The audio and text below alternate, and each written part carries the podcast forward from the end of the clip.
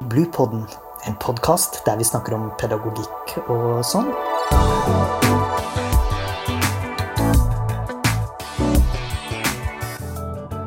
Podkasten er laget av barnehagelærerutdanninga ved Høgskolen på Vestlandet.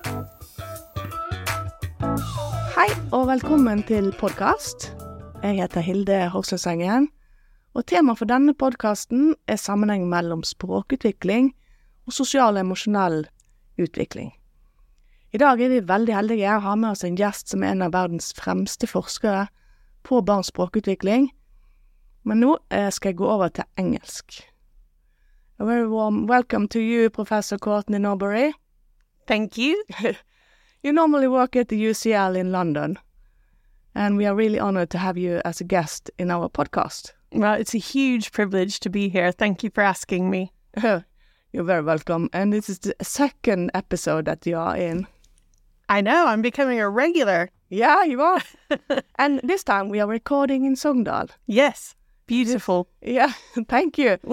what is the difference from London, where you live normally, and to Sogndal? Uh, well, London is very much larger, noisier, wetter. We've had unbelievably good weather in Sogndal this week. It's been a real treat. Yeah. Slightly hillier, too, I would say. Yeah. Uh, it's absolutely stunningly beautiful here. It's been a real treat to visit. So thank, you. Thank you. I love London, so I, I am kind of envious that you work there and live there. Well, we can visit each other, so we both win. Yeah, that's true. That's true. you have a long CV with very many interesting publications related to language development. And today we will talk a bit about the relationship between language skills and emotions. First, is there a relationship? I think so, yes. we certainly in our work have been looking at that relationship. Um, and developmental psychologists have also considered what the relationship is between language and emotion. And there is a theory of constructed emotion where people suggest that language is a really useful tool uh, for developing more nuanced emotion categories. And it's a useful tool because a lot of the signals that we get from the environment can be conflicting and uh, uh, ambiguous. And what language allows us to do is is to put that that noise into more discrete categories, which helps us to learn. So when children are very young, often they will recognize emotions as either being happy and not happy. Um, but what language allows us to do is take that not happy category and make it much more nuanced. So we can be angry, we can be frustrated, we can be disgusted, we can be annoyed, we can be sad. Um, and language allows us to make that connection between the kind of visual cues in the environment and the contextual cues mm. so that we can understand situations that might give rise to somebody being angry as opposed to disgusted. Um, so it's a really good tool for learning to be more granular in your emotional experience. Um, and of course, the way other people feel, often we can't see that from their faces. So language gives us a good way to begin to understand what other people's minds might be like Mm. uh, and how they might be feeling in different situations too. But in this relationship, is there something that comes first, like the chicken and egg?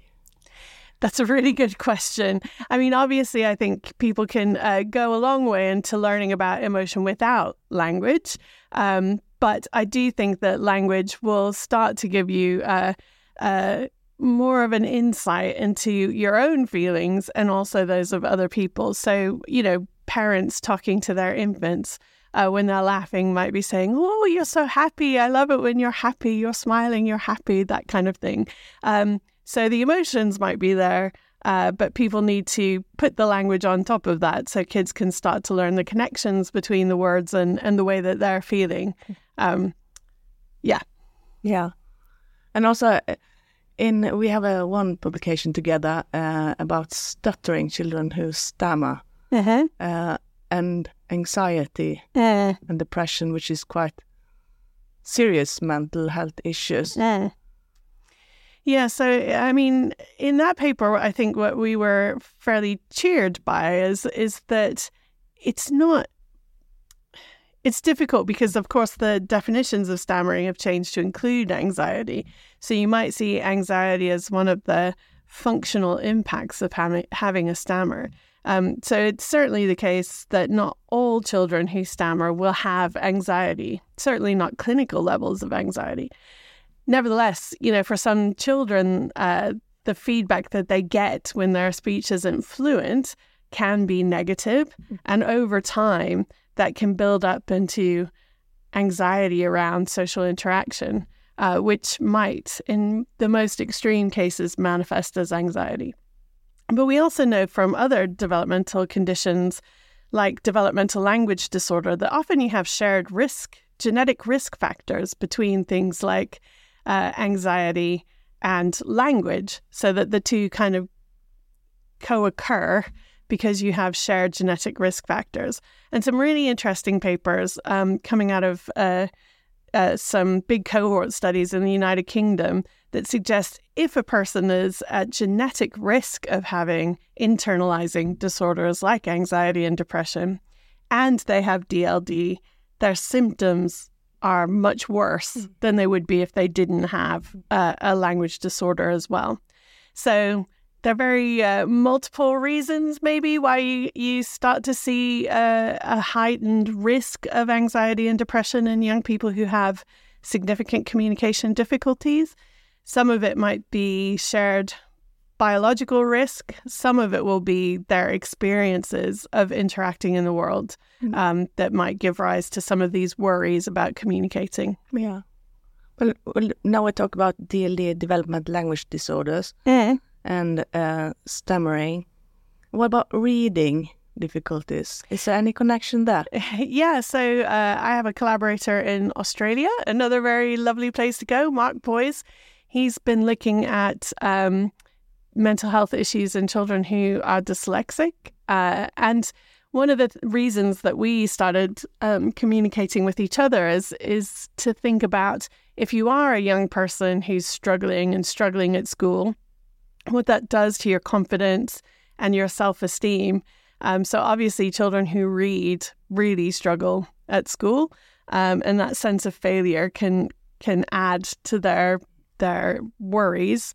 Um, and the same with children who have language disorders. School is very difficult. It's hard to access the curriculum. Um, it's hard to access peer relationships. Um, and that can have some knock on effects. And the real challenge is that for those kids who have significant difficulties that require some kind of intervention, a lot of the interventions that we have are talking therapies. So they can't access those interventions that are supposed to support their mental health.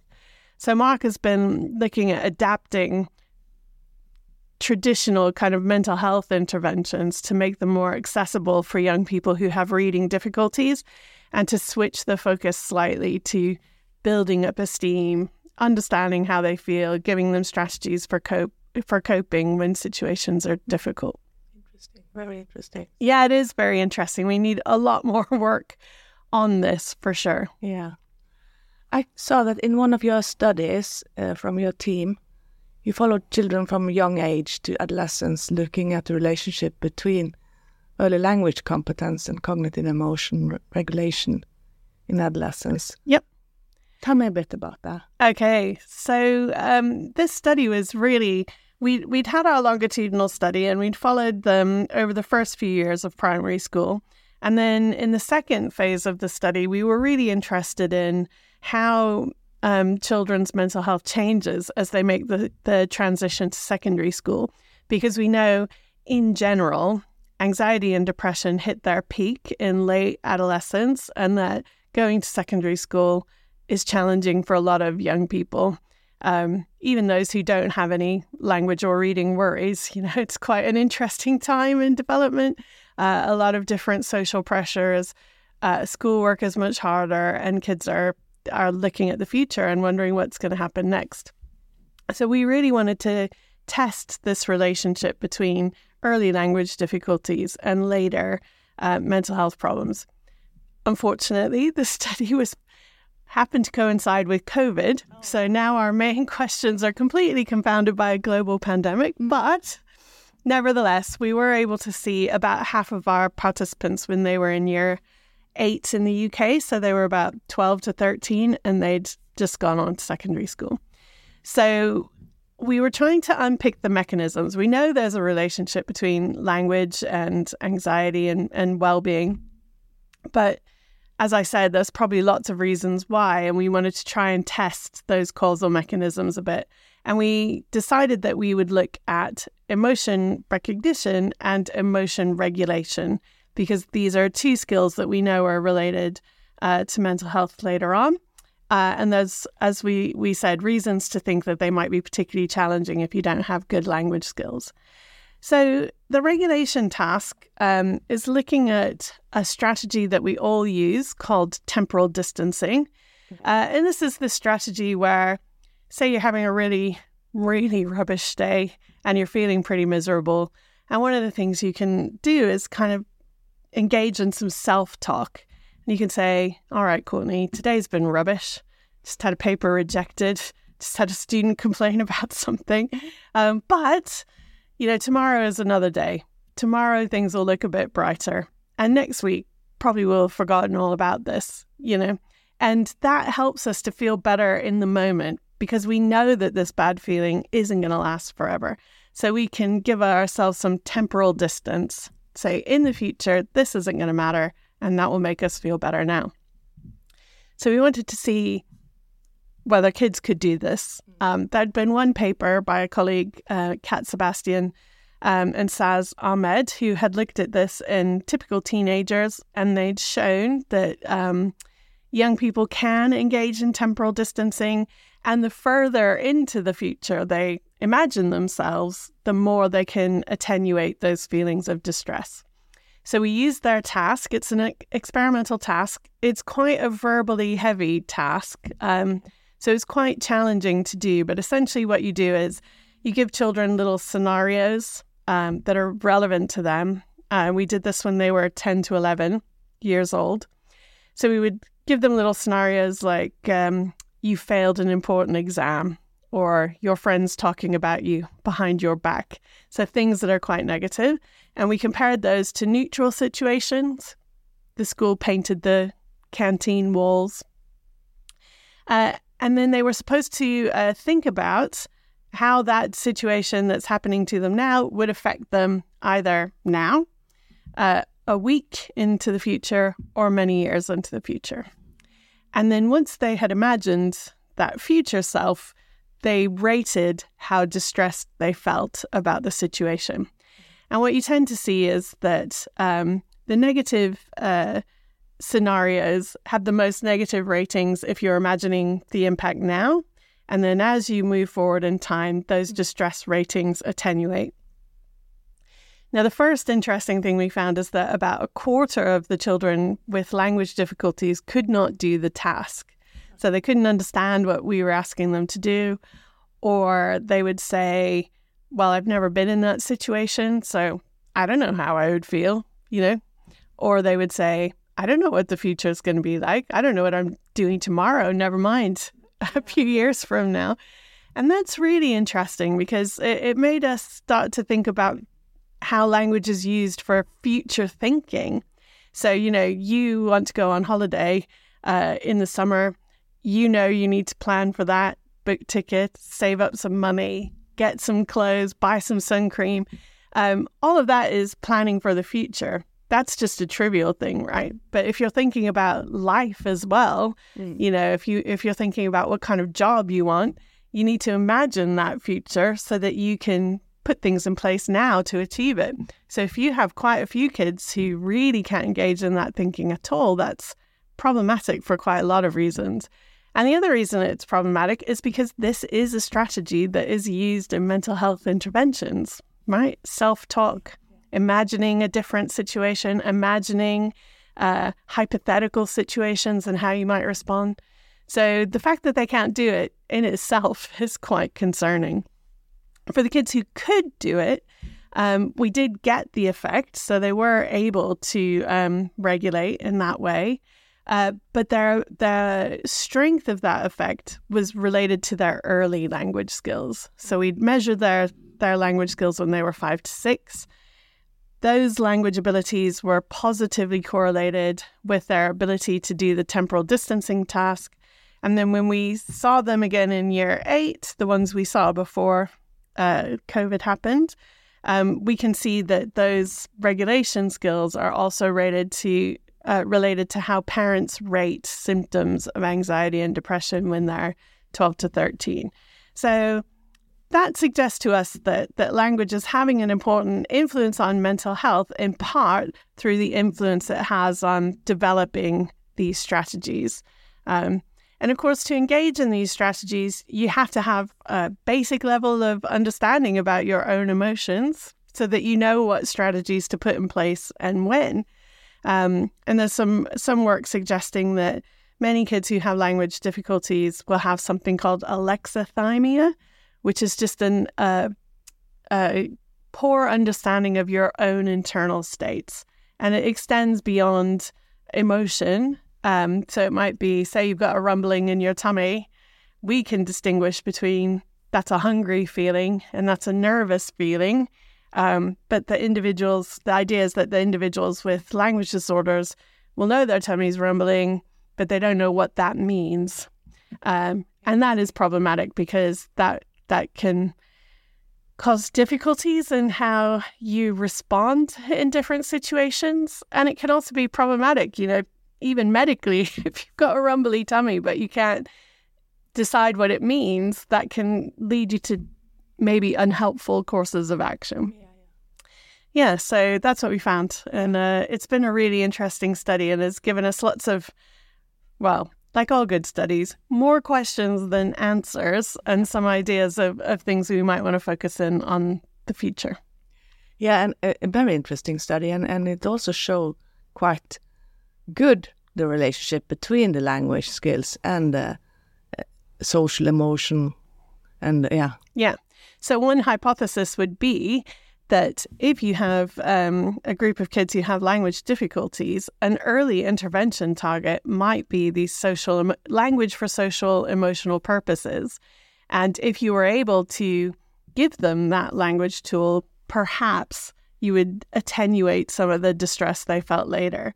Um, and so we are thinking, you know, what what would that language look like? Well, you know, we we use words to, like I said, have these fi- finer labels for different kinds of emotion. So something called emotional granularity, um, making sure that you can distinguish between different kinds of emotions in yourself and in other people. But grammar is really useful because grammar provides the syntax that allows you to represent the relationship between how you feel and how you behave. Um, I'm sad because uh, he didn't invite me to the party. So you can get that causal relationship. You can also have temporal relationships.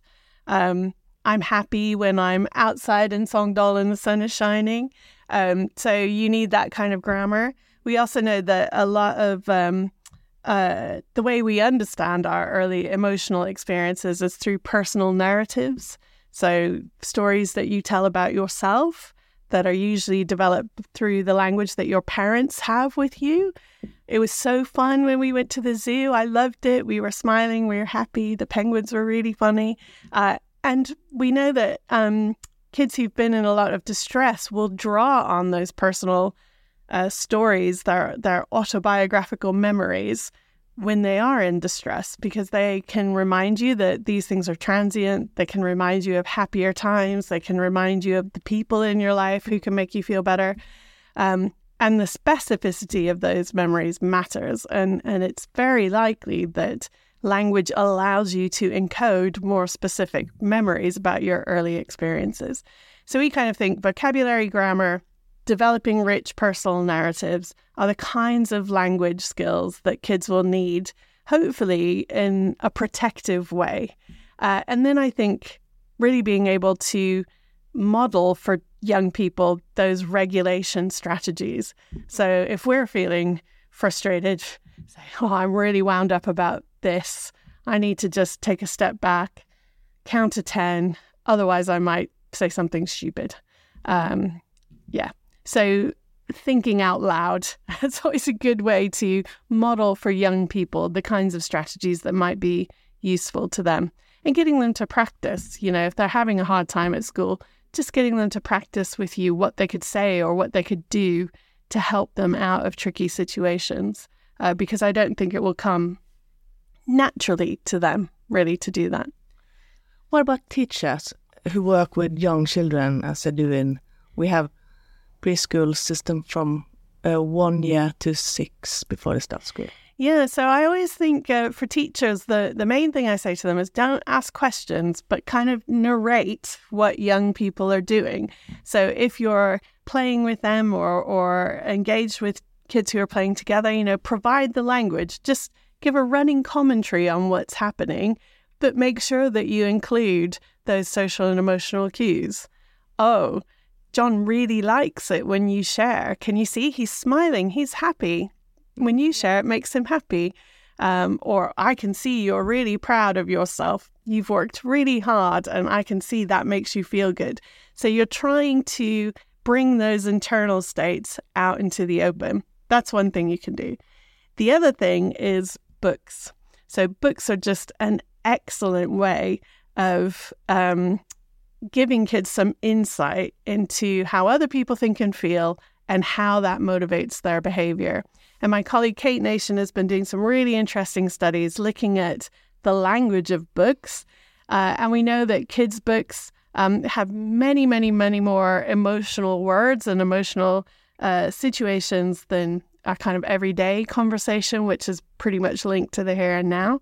Um, and a lot more of the negative stuff so we tend to be quite positive when we engage with young people, which is great. Um, but of course, you know, when we can't be happy all the time, and books provide a good vehicle for exploring some of those more negative emotions, and kids need that. Um, so stories are a great way to do that. Um, and of course, really good teachers will be able to link kids' personal experiences to what they're reading in the books so that they get a much more richer experience from that. Yeah, yeah. That's a great uh, great advice. And but if if you now are one of the teacher listening to this podcast and thinking about one kid in, in your classroom that is maybe a late bloomer when it comes to language development, is there anything you could do to sort of see if this also uh, is problematic for the social emotional development? Yeah, that's a really good question. I mean, I think one of the high risk factors for young people who have language difficulties is that language is really important for developing social relationships. So I would definitely want to be keeping an eye on does this child have friends? Are they being excluded? Is there anything I can do to help um, facilitate that kind of connection with peers? I think that's a really important thing. I think the other thing we don't do enough of is try to um, take into account the child's family experiences. So again, I said there's these overlapping relationships. So, you know, if mum is maybe feeling a bit down or there have been other issues in the family, then that's a child who's probably at quite high risk and you would want to try and support the family, but also that child as much as possible. Um, I think it's it's useful to think that many kids who experience language difficulties are likely to at some point have some challenge with emotion and social well-being, although not all of them by any stretch will end up having mental health problems.